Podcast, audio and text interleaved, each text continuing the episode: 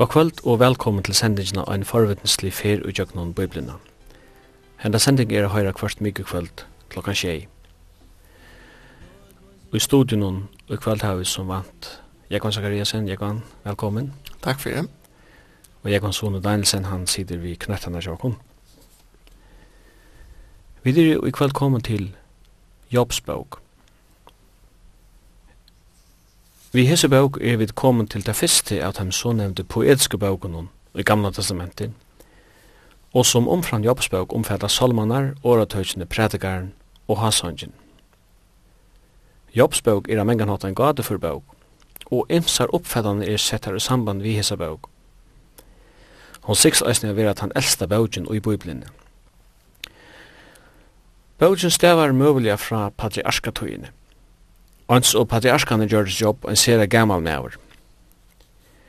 Bøgjen tåsar nek om synd, men korsene vir loven ikkje nevnt i bøgjene. Tilborene i bøgjene færa tog øyva fram lengt åren loven var given av Sinai. Høvesevne i bøgjene er eit av manna attarinnar største landarmalen og trobeløygon, nemlig at trongter og løyengar. Sommar løyengar kunne forklarast som til dømes av løya for synd, etla er vera forfyldi fyrir sinna trygg. Men te er lujingar og tarva eina djupare fragrøying, om vi i heila tidsi alltid finna eina fragrøying. Jobs og jeg mengan hatt tidsis tujarleis røyser nekvarspurnegar i hese samband. Og i byrjaninni av bókjene vera eginleikaner tja jobb lustir. Hesen esterlendingur var avlastandi og rattsinti maver, som öttaðis god og helse fra tui som önt vær. Ta sinir Guds og herre mittel Satan stuja framför god, samtala Herren og Satan om jobb.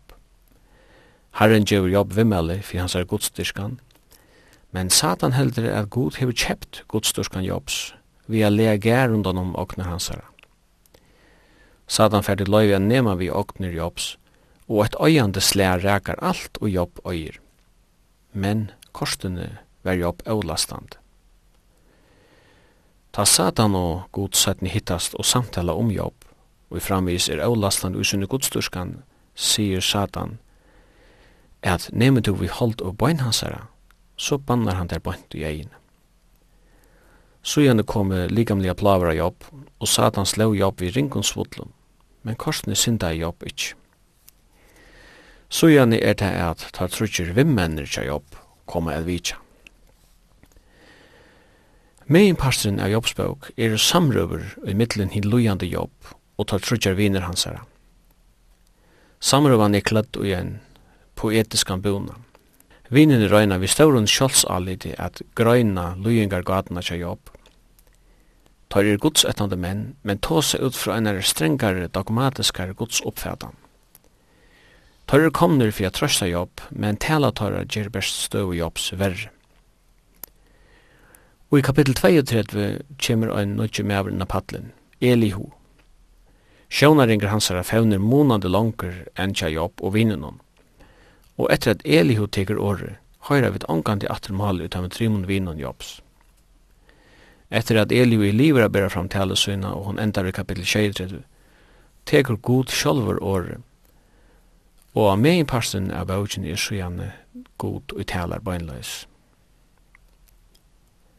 Men ikkje beste viner Jobs høyde tås om tega som tar ikkje skilt. Det er jobb sjolver òsne gjørst. Det er fave år og jobb sier i seneste kapitlet vysa ein engrande mann og teker atter tega vi han hever sagt og god åpenbæra seg fyrir hon. Sørste kapittel og i bøkene tidsis det heva en grøyan båskap. Om menneska søkte god og i stegin fyrir alt og i a søkja svær og på løsens gater – så hadde vi òsne finnje en greier fætan av tilværen, og vi hadde òsne liva i større nøgtse. Spurningar luksins nøyva menga mann vi stund og sundje. Sutja vi god, har vi kanska fram vi spurningar, men tar nøyv ikkje langer, tog vi mettast av sutja skapar okkara.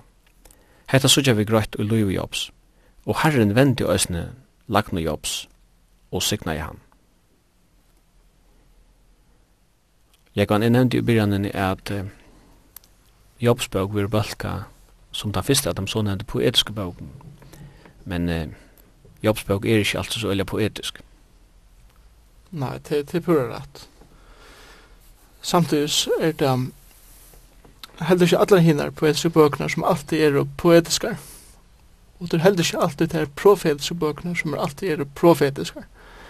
Men så korsen tar man leser eh, den opprunalige teksten, så ser man beina ved at dette er en annan slæ av litteraturen enn de søvlebøkene som vi nå er altså litt, vi.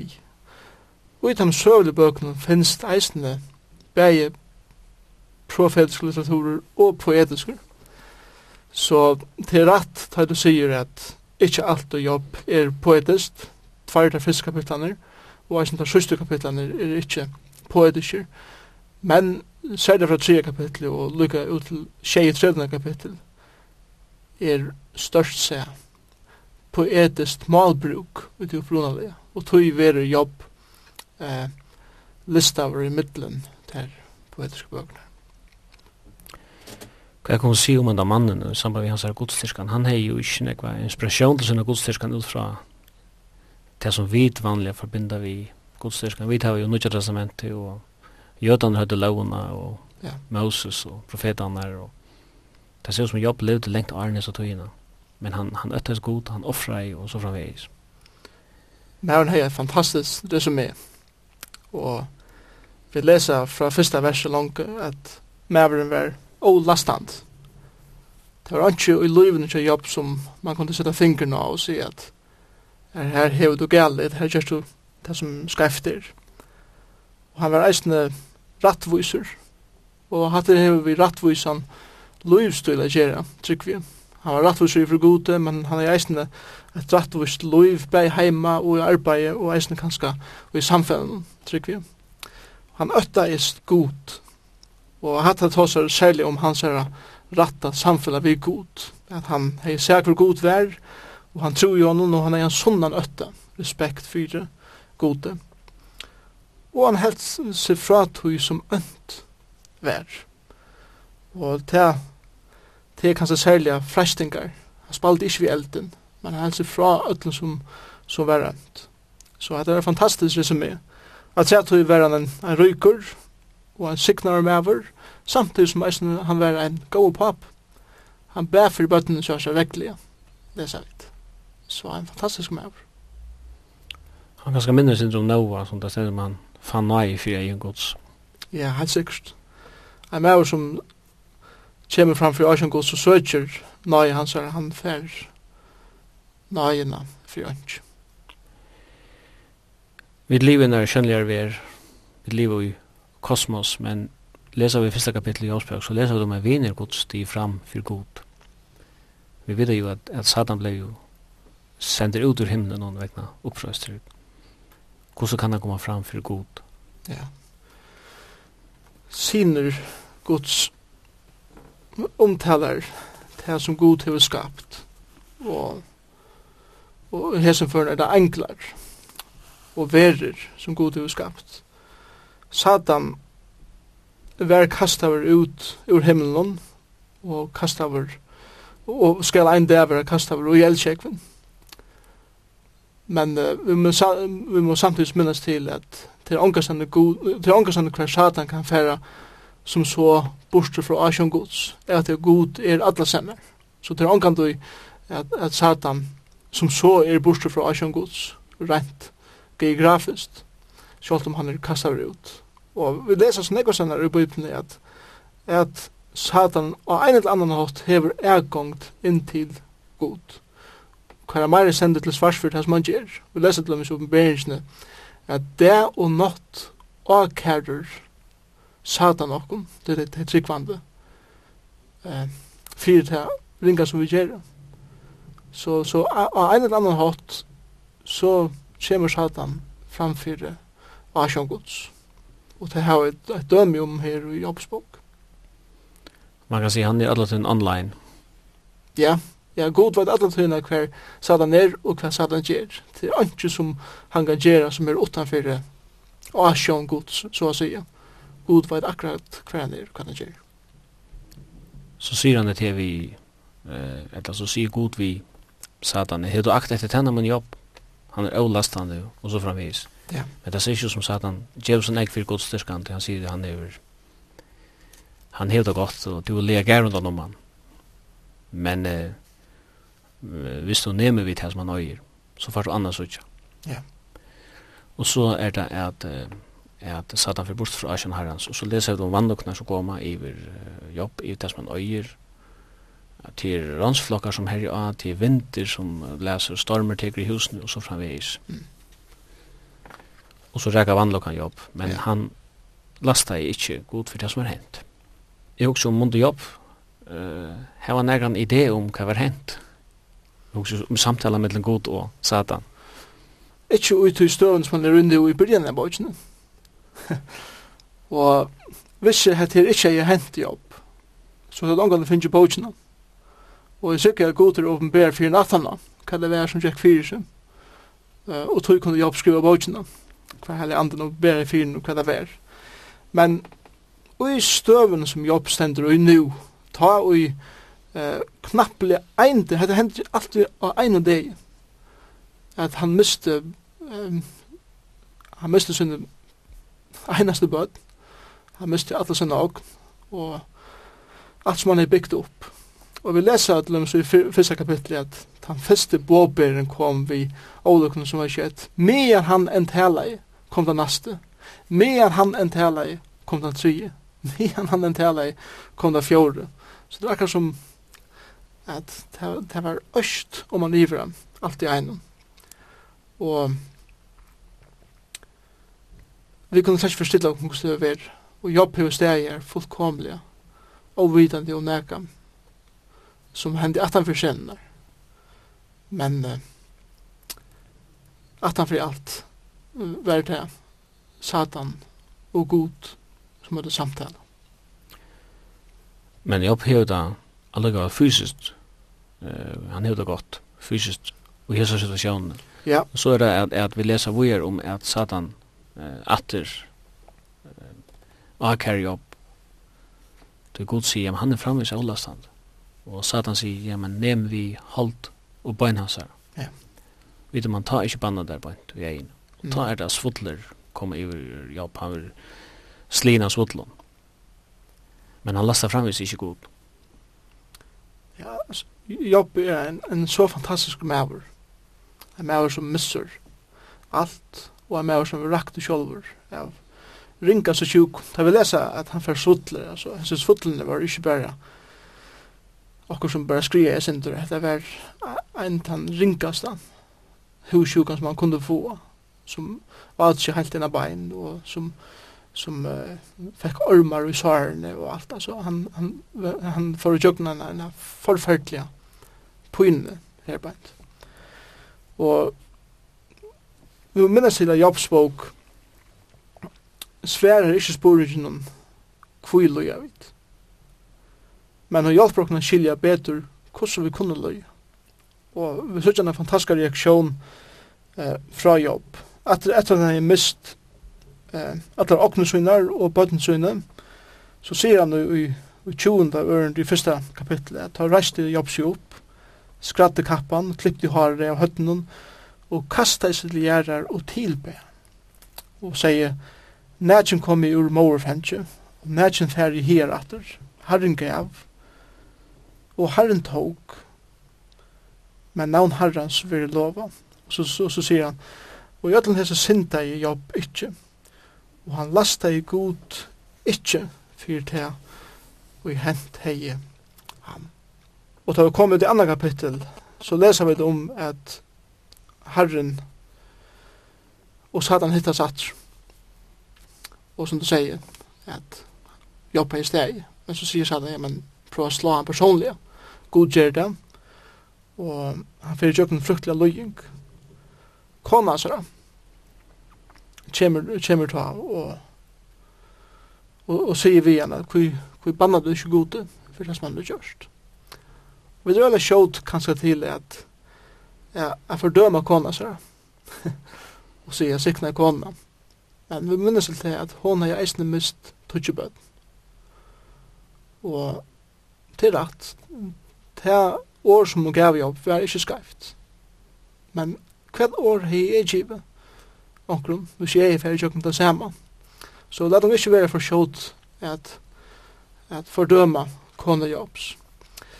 Men, men han sier, eh, to tala som dar. Skulle vi teka vi til gåa for gode, men ikkje vi til ytla. Og så sender vi ötlen her som synda i jobb, ikkje vi vörren.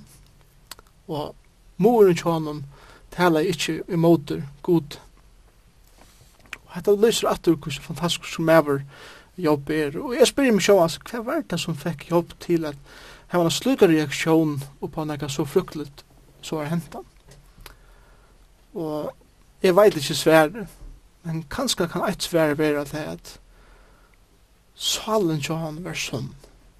At han er rett forhold til for god er. At uh, særlig at, særlig at vi kommer her, altså i, i første kapitlet, at uh,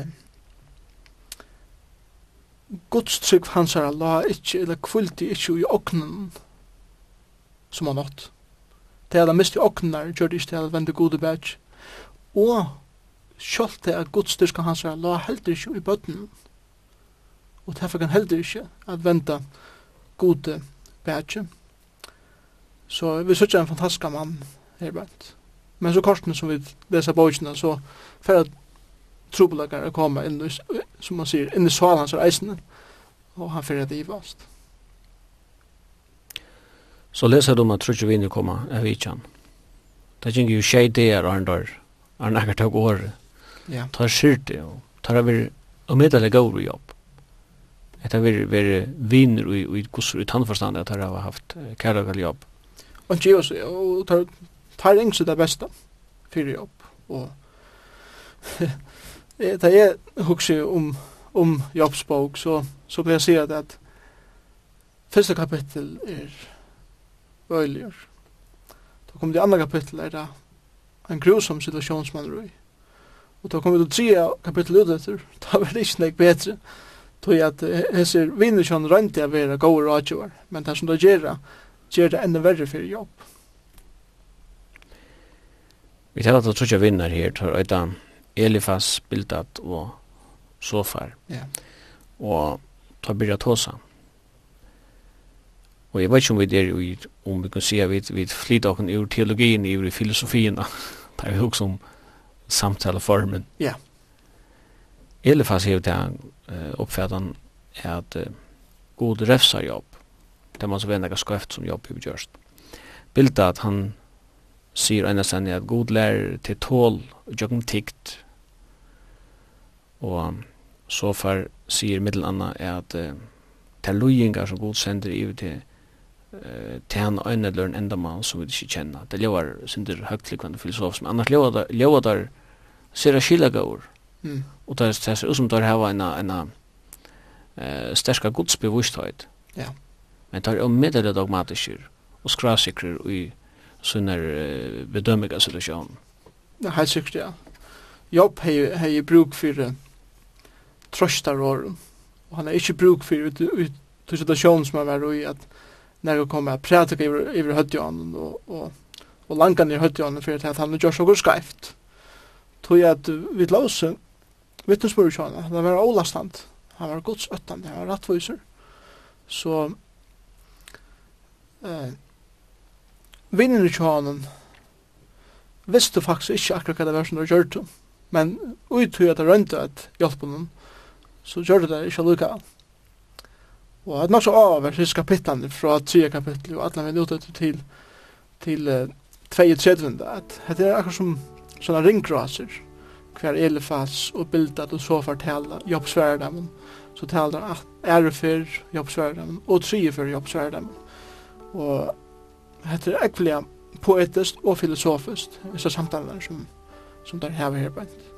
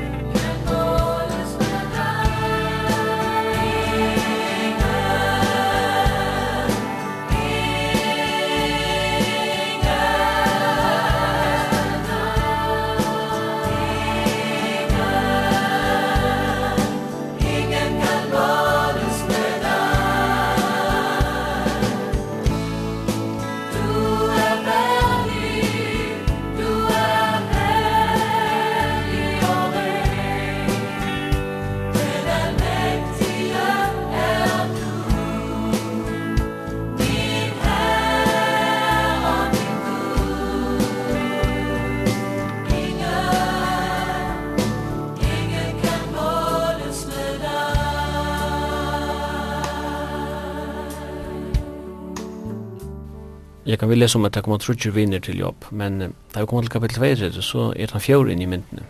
Han kallas for Elihu. Ja. Og han var nekt han yngst i Adam og, og hei, lukka som heldig en loven profil, han vil ikke blanda seg på i samtalen, han vil ikke leta eh, til mange år tala vist men han måtte så ta han anna det år at alltingar var ikke alltid klautjur. Ja.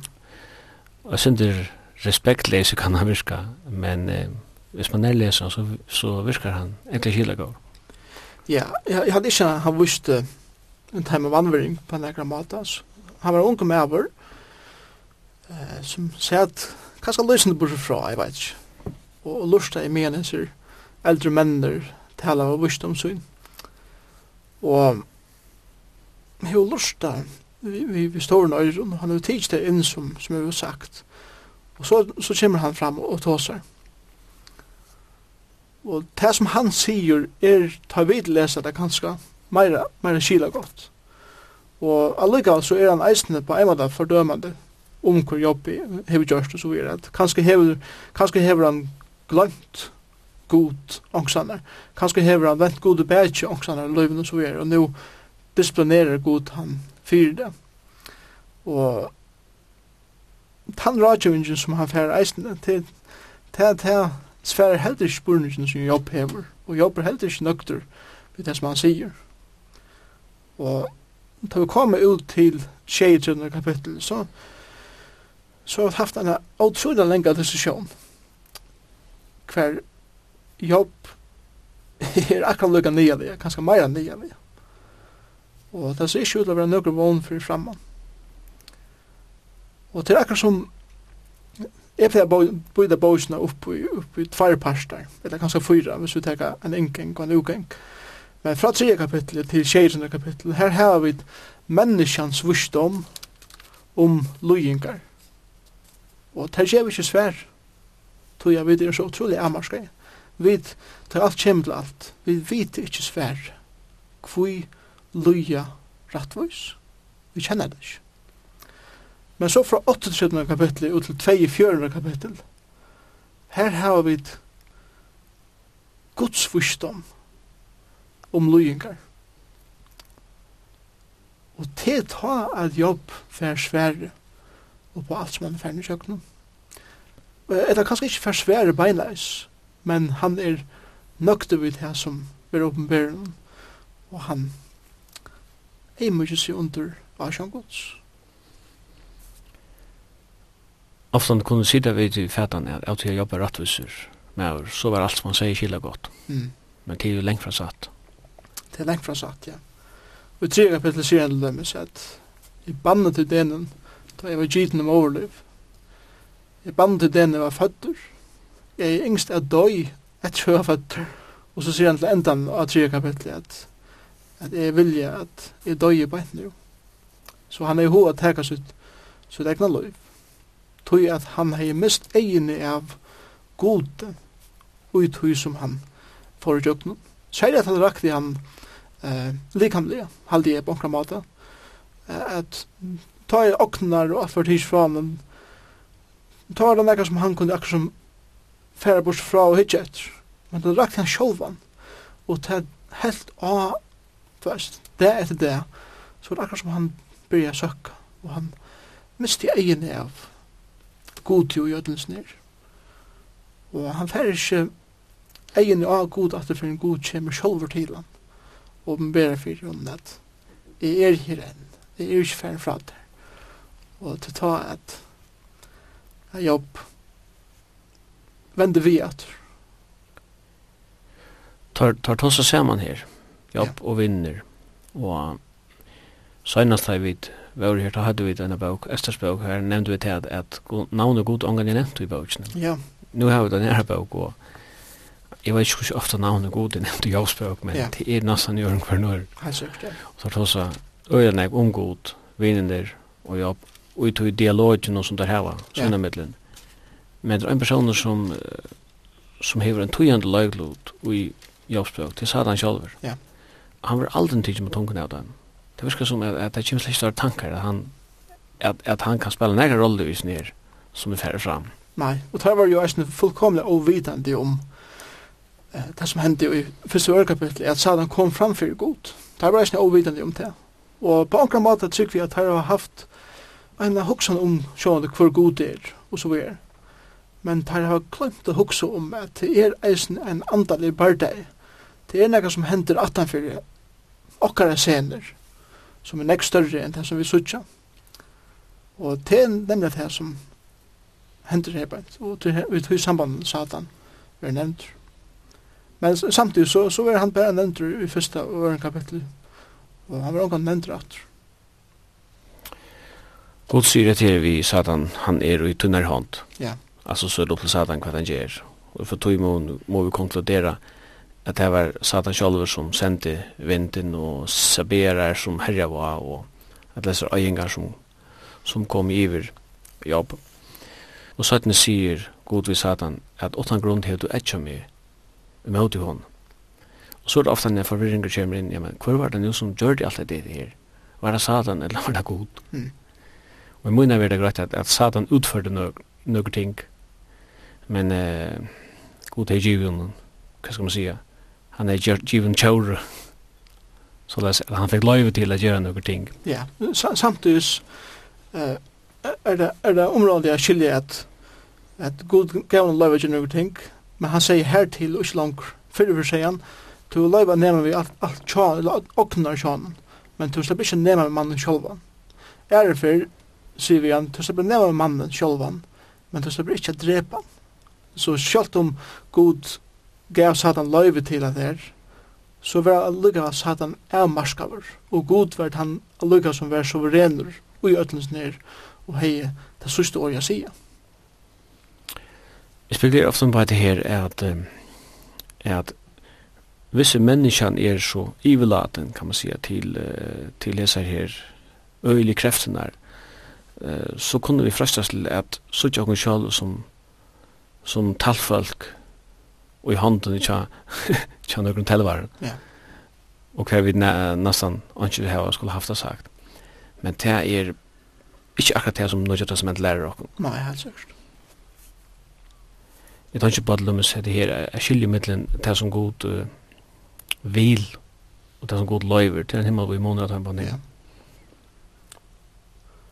God um, hever en, en vilja, en soverenan vilja Men under til viljan så løy vi god og eisne vi først noen henda som han allukal hever fullkom kontroll av.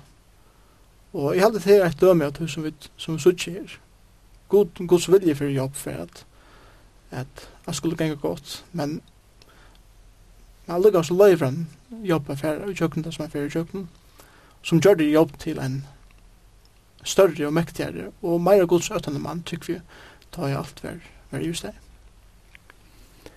en vandre som vi kanskje ofte er befangt vi her i, hva som man sier, kristendommen og særlig i Vesterheimen, ja. er at uh, vi lever ofte vi sånn her, og sier, ja, men ok, god hvila det er, inn er inne og så framveis. Men uh, kan det ikke være vanlig, jeg vet enda ut jo noe som minner om fatalisme, altså en slag av lagnuttrykk som vi så ikke at det er noen høyden av religionen og i, vet noen hinduismen, vi karmalærerne et eller annet. Islam har jo et her at alla vil til, tog hendet da. og det som jeg ångte spyrir meg sjálvan til er ja, hvis vi bare er brikkar i lakten av hånd hva skal man så bruka trygg til? Som Bibelen tås oss av myndelig nego om mm. kunne vi slita ting? Hver, ligger, hver ligger okkar og apert om så man sier God til utgive menneskene eisne en sånne fornuft og eisne utgive okkar ansvar og at kunna teka avgjører så vi er man kan glömma det. Så vi er, vi är inte bara ett halvfolk som er flott atter fram. Men eh, eh, nek var at ham løyengen som koma kanskje inn i okra løyv kunne komme av skreivan avgjøren som er her i sjolver og era løyingar kunne være eh, fyrir fyr, det som er standi opp fyrir kanskje bei moralst og eisne og, og minne trygg var god og så vore det er nekka som kjemur inn i løyvi kjammer eh, grunn til at her avgjører som det er. Et annet kan eisen være at det er skreivar avgjører og i nekvun. Hugsa kanskje om uh, hva, hva det gjør, hva det færre og hva det avgjører det er vi hva det leder kommer inn lika med kjammer som vi er som kan gjøre det at i med sprottene sammen, sammen som vi er at alt, alt det her eh, leder god som så ikke kommer akom, og vi er bare et halvfolk, men han gir jo en sunna fornuft, og det som vi teka avgjør og er eisne avlengarna av de avgjør som vi, som vi teka, så, så vi hava nekka sjolva sia ui hese spelen som heter Løyve, at han hatt. Det er jo ikke Efesbrev 6, ja. då sa han om bærdein, Akkurat. Vi ser vi vi håller blå men vi tecknar väl den här driver han bönlös andra här in. Ja. Och satan Och så nämner han helt klein. Akkurat. Till något han han ramar sig här man bonen. Kan ju fra. Ja. Och så är andans. Men eh, jag huxar med det här som att skölde tror den där. Trygg. Hon kan ärliga nekv. Och jeg halte at skriften legger utrolig an dent av trygg da jeg taler ned om akkara uh, forhold til fudgendan, altså, ja. satan. Standi hon i møte, først i trunne, stendet han. Og litt fram om alt sjølvtroaren her. Uh, vi tog sjølv skulle være førfyr, jeg slett alle gløende pøyler hans ønta. Ja. Så han, han vil han vil leipa akkar alit av god alla tøyna. Det er halt givi. Ja. Og, ein parallell til jobbsbøk, så gjør vi det igjen. Jesus sier bønnes vi Peter, at Satan vil til hava det, til å solta det som kvøyt, det må ha vært sammen med akkær. Ja. Men jeg ber for det, tryggven kjad ikke mot svitja. Mm. Og det var noe som tryggven som var øyla uh, tøyante. Og i tog situasjonen som, som uh, ut i rønden, om som man sier, som Peter, för fyrir og tætt så vänder om, sier han, så styrk eh, så styrsta brøver tøyner. Ja. Og, og til akkurat samme, eh, okkur vi kjente grunn av Efes brev 6, at her nu giv vi okkur trygg, eisne. Men, men spurningen er, hvordan handfæra vi trunna som her nu giv vi okkur, og trygg er, er nemlig at lyta av nega som vi kanskje ikke beinleis sutja hebreerbra.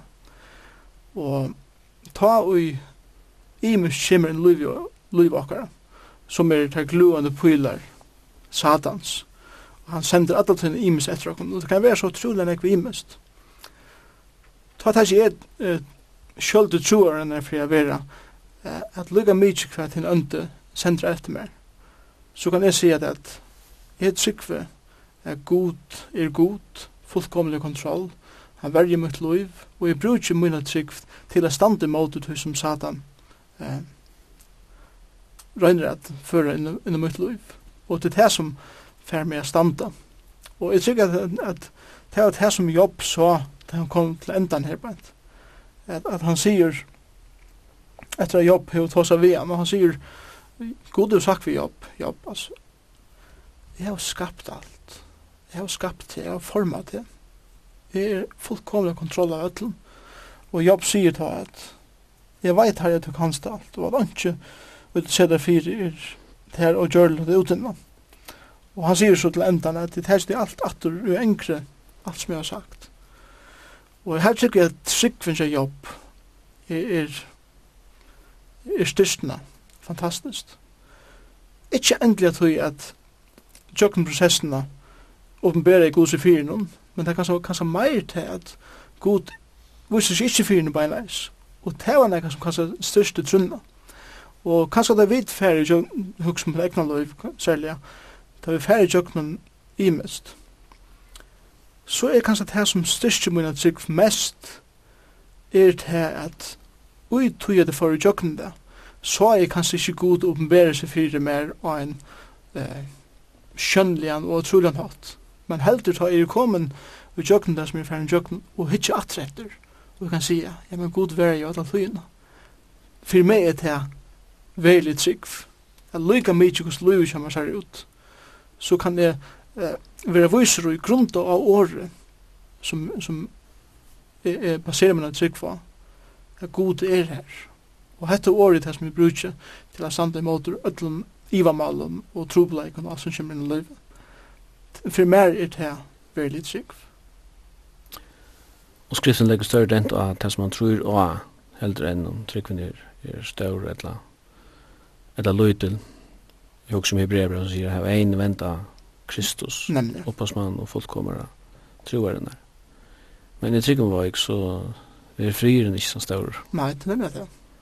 Og, og, og her er det vi kommer kanskje til evne som øtta og stora. At Jesus, onkur sagt at Jesus teker okkur som vi er. Han teker kvart menneska, akkar som det er, og han frelser deg. Men han ønsker kun ikke at vera er verande såleis. Han ønsker at brøyda okkur, jobna okkur, okkar andalega loiv, og tryggfinna vi. Han ønsker at vi skulle eh, få større trygg, og større trygg for kanskje større alit, og hva han er fyrir fyrir at, at og storan og øtte fire kvæt kan færa henta, men som, som oftast, omgandi hendur, er vi vant, hever vi vant trygg å gjøre.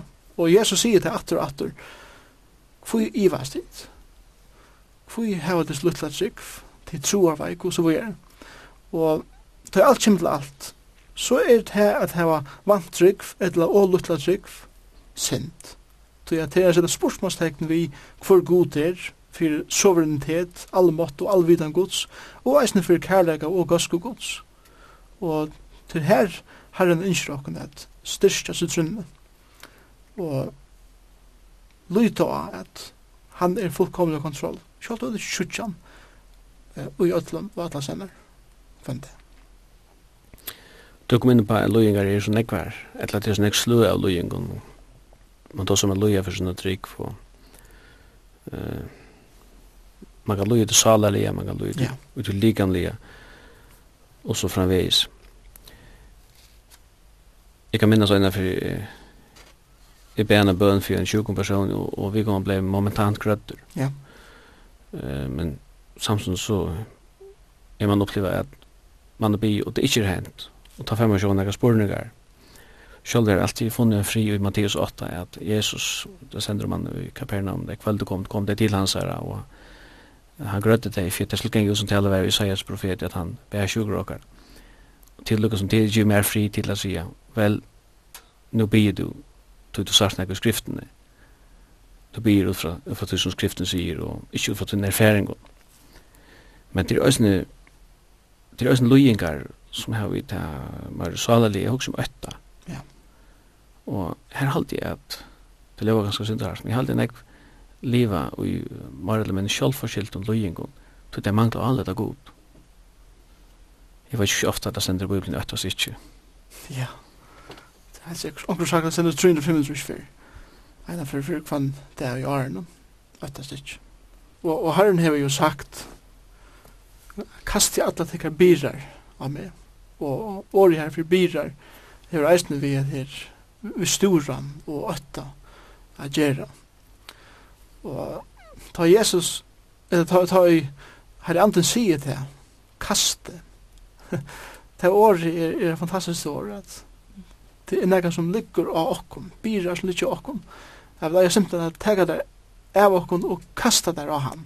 Og det er det samme året som vi brukt ta Jesus, vi har lærer seg for etter enn en esle, Og her stendur det kasta og klæði sinni på dyre, for Jesus kunne sita det. Og til den mynden, at vi simpelthen bare kasta det av han. Og, og ta Jesus sier, kom til møyna, som, som har tunga byrra byrra, og, og så videre.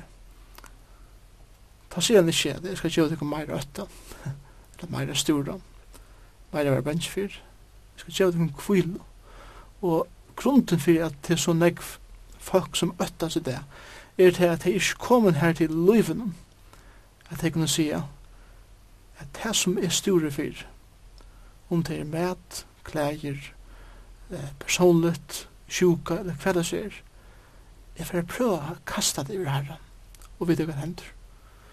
Og her er det trygg kommer inn at, at det som verlig pynner dere, prøve å kaste det av herren. Prøve å si herren, takk to iver. Men det er så få folk som tårer affærer her til. At han minner oss om det som han sier, kom her til mun ötli som strev og sa tungt av bera, og jeg skal gjøre den kvile. Det er sikkert uh, mer enn bare det fysiske han hosar om. Ja, det er sikkert til alle dimensjoner av løyven. Jesus.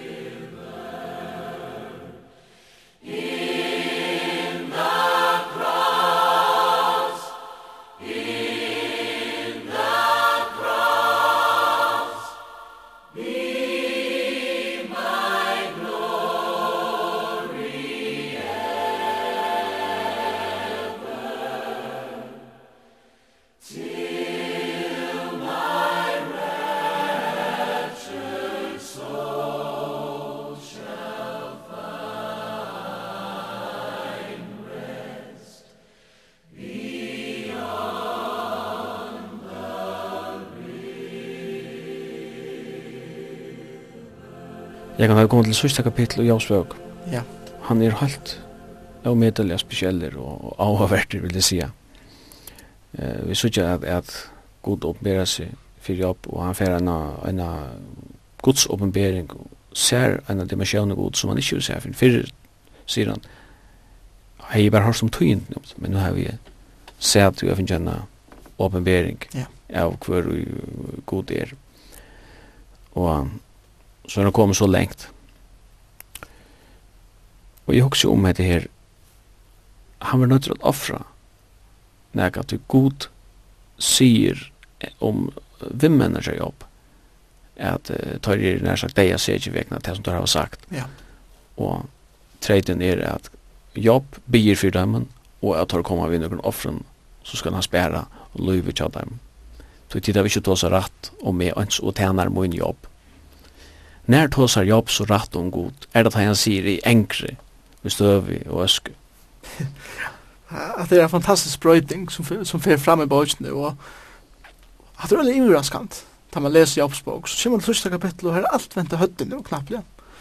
Och Og som du sier, jeg tykker jeg jobb for her en nødja dimensjon av hvor god det er. Og han ser nå at jeg er før jeg kommer inn i et djupt samfara i herran, sjálft om erfæren jöknum alt det som eh, erfæren jöknum, og kanska jeg tog at erfæren jöknum det som erfæren jöknum, er det kommet inn i nødja dimensjon i hver god er, og Men da så tror jeg vel reaksjonene tja jobb, ta i god goder oppenberingsfyren om at, at han, han sier bare herre, to varst, to kanst, er i ønske, to er alt. To er han som er oppebore, atla tilbyen, alle dørt, og tog innskje at tega alt det atter. Allan ivan som er, som er så i. Alt det negativa som er så i. Det tega ikke atter her. Ta er det a god sier at nu er så kommet her til som er yngste føret. Men vinner kjøder som vil hjelpa der. Ta er ikke kommet her til enn og tar hava eh, tar hava fordømte tar hava gjørst det som er fullkomna skreift og som har vakt vreie møyna og så sier han av til at du har kommet her til som du har kommet så er det han som er utveldig nu at be for heim og nu knapplega stendig jobb her og be for tre mannen som knapplega stendig deg dømt og ikke for en jobb hei bia for dem vart han byran litt av vinnen til jobb.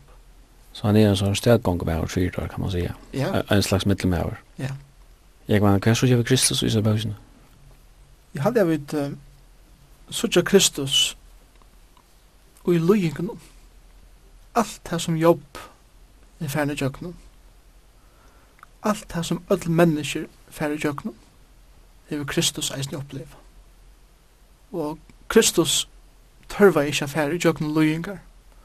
Men som god sjolver, så valgte han å sette seg sjåan så lagt, at han ikke bare gjør han tænare, men at han, han identifiserer seg fullkomna med menneskene, og at han er ferdig i jøkken til sorg, og i jøkken til pyno, og i jøkken alt som vi færre. Så at han kan si at det som du fyrir jøgnum ut tøyne løyve og i det, tan sorg, tan pyna, hva det ser, henne kjenner jeg eisne. Og tog kan jeg at han som kan hjelpa der. Ikke bors ur tøy, men en jøgnum det. Til jeg får ikke bors ur tøy heldur, jeg får jøgnum det. Og jeg er fullkomna i det versk som er kommer til å gjøre. Og, og her er Kristus en, en underfull mynd av jobb. Eh, Og Kristus sier vi okkom at at ikke vant at at tid ikke skulle fære tjøkken logingar. Ikke vant at at tid skulle bare få det goa som jeg har gjort. Om det ikkje var veldig etter å gjøre munner, så skulle det eisen fære tjøkken til sjongter og til logingar som jeg fære tjøkken. Og det er det som eh, er en framgjør atter, kan man godt sige, Jeg fylgjer Kristus etter.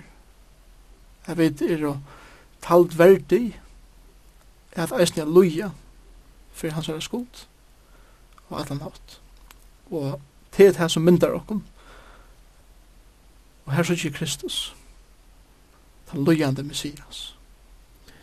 Kristus var jo, kjent, var jo nevnter uh, endeløys her, og um, det er det kjenteste vers og jobbsbøk, kanskje det blir veldig uh, kjent i noen oratoriet Messias og Hentel. I, I know that my Redeemer liveth. Ja. Yeah hatta sier jobb. Så han er også sier profetisk Kristus som endeløser. Han sier det, ja. Og han sier som hins syste skal han stå fram. Altså Kristus er hins syste som skal stå fram. Han støven og ta hentan humoen ut her, så skal jeg uterholde meg innom skoa god. Og um, hatt det fantastisk beskrivelse om det, om det er vi vannene som et hvert menneske som sett seg alle av Kristus øyer for tog og for avleggen. Ja, og, og det som han sier her er uh, at jeg vet at endelig som min lever er simpelthen til at ta i alt som er alt så er det Kristus som er sørste året i ødel. Allars sørst så her er jo en spørning nu vi det at Satan ikke nevner sørste kapitlet men jeg har jo ikke å slippe noe så det er en bardeg som Bibelen tar seg om og i, i Nødja testamentet møte møtstumannen djevelen, og han rasar nek og javspeg, det er så sånn vidt. Ta inn i Bibelen sier at her er vi da vunnet iver Satan, eller ta det sender at Kristus er vapnet i tiktene og velden i kolossebreven. Hvordan blir det til så er Bibelen øysen tåser om en avhaldende bardia? Kan man bli vi av strujas møte øynene fyrtjenda som er evigvunnen, eller virker det ikke som en paradoks? Ja, det kan virke som en paradoks, men, men, men Det er det slett ikke. Ta i Kristus døy av krossen. Ta var profetår i 1. Mosebok 3.15. Eh, Ukenskje. At høtt ormsen skal være såra. Og det er det at Kristus skal vinna av Satan. Det gjør den av krossen. Og her er våpnet han tikkner fullkomlig. Og her sier han at Satan, to er stømter, du hever tapt. Og til, til sånt man er, til anker i ratten, at domeren fettler her bænt. Men så kan det korsene genga tog inntil vi kommer til å være fastsetter, eller, eller hva det så verer. Som det ser bænt, Kristus sier, Satan du er dømter til eldkjekven. Og tann tøyen fyrra kom, men han er ikke kommet enn. Og inntil ta, gonger Satan om som en brølende leiva, og han røyner at øya og ei ledja som ekv heim, tjunarbond og loiv som han kan. Åren han veit, han vil kasta over og elskjøk. Og til han andal i bardein som gonger fyrir seg, og i det, og som rekar et menneske. Jeg hørte enda fra en mynd som han brukte, han samarbeid til det som hendte under 17 hemsbardet, ja. Ta, og tar alliera i fyrir land, i Normandien og Frankrike. Ja. Att han är at, att nazi det tre rike har herset alt eh, europeiska eh, mainland i, i flera år så förtar land og Normandien og til lukas å kom land. Och ta säger man nu vet man kommer veta ber i kronor. Ja. Men eh, det er ikke nekker några månader från det den til, til veta. Akkurat.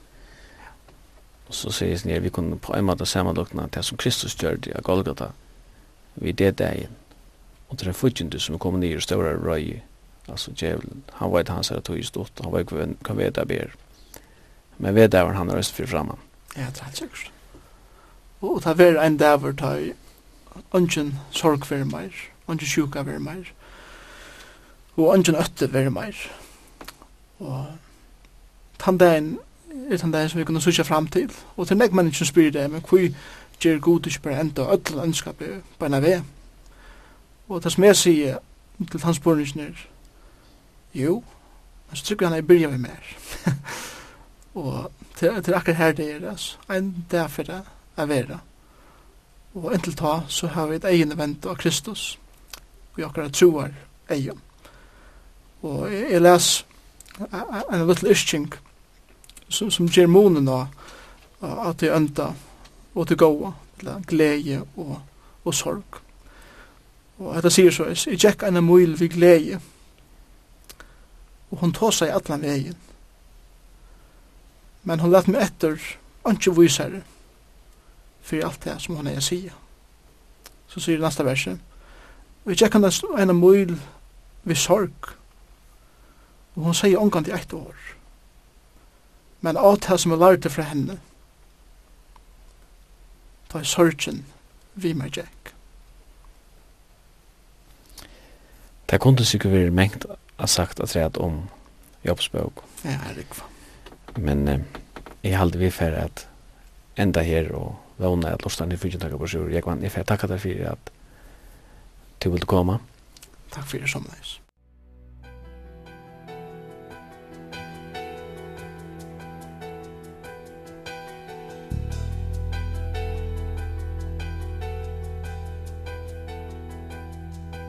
When he rose up asleep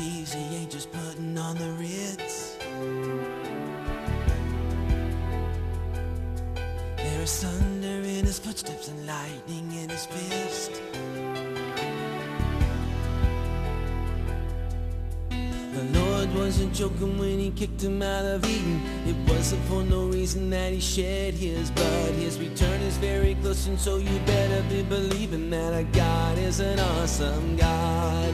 Our God is an awesome God. He reigns from heaven above With wisdom, bar and love. Our God is an awesome God.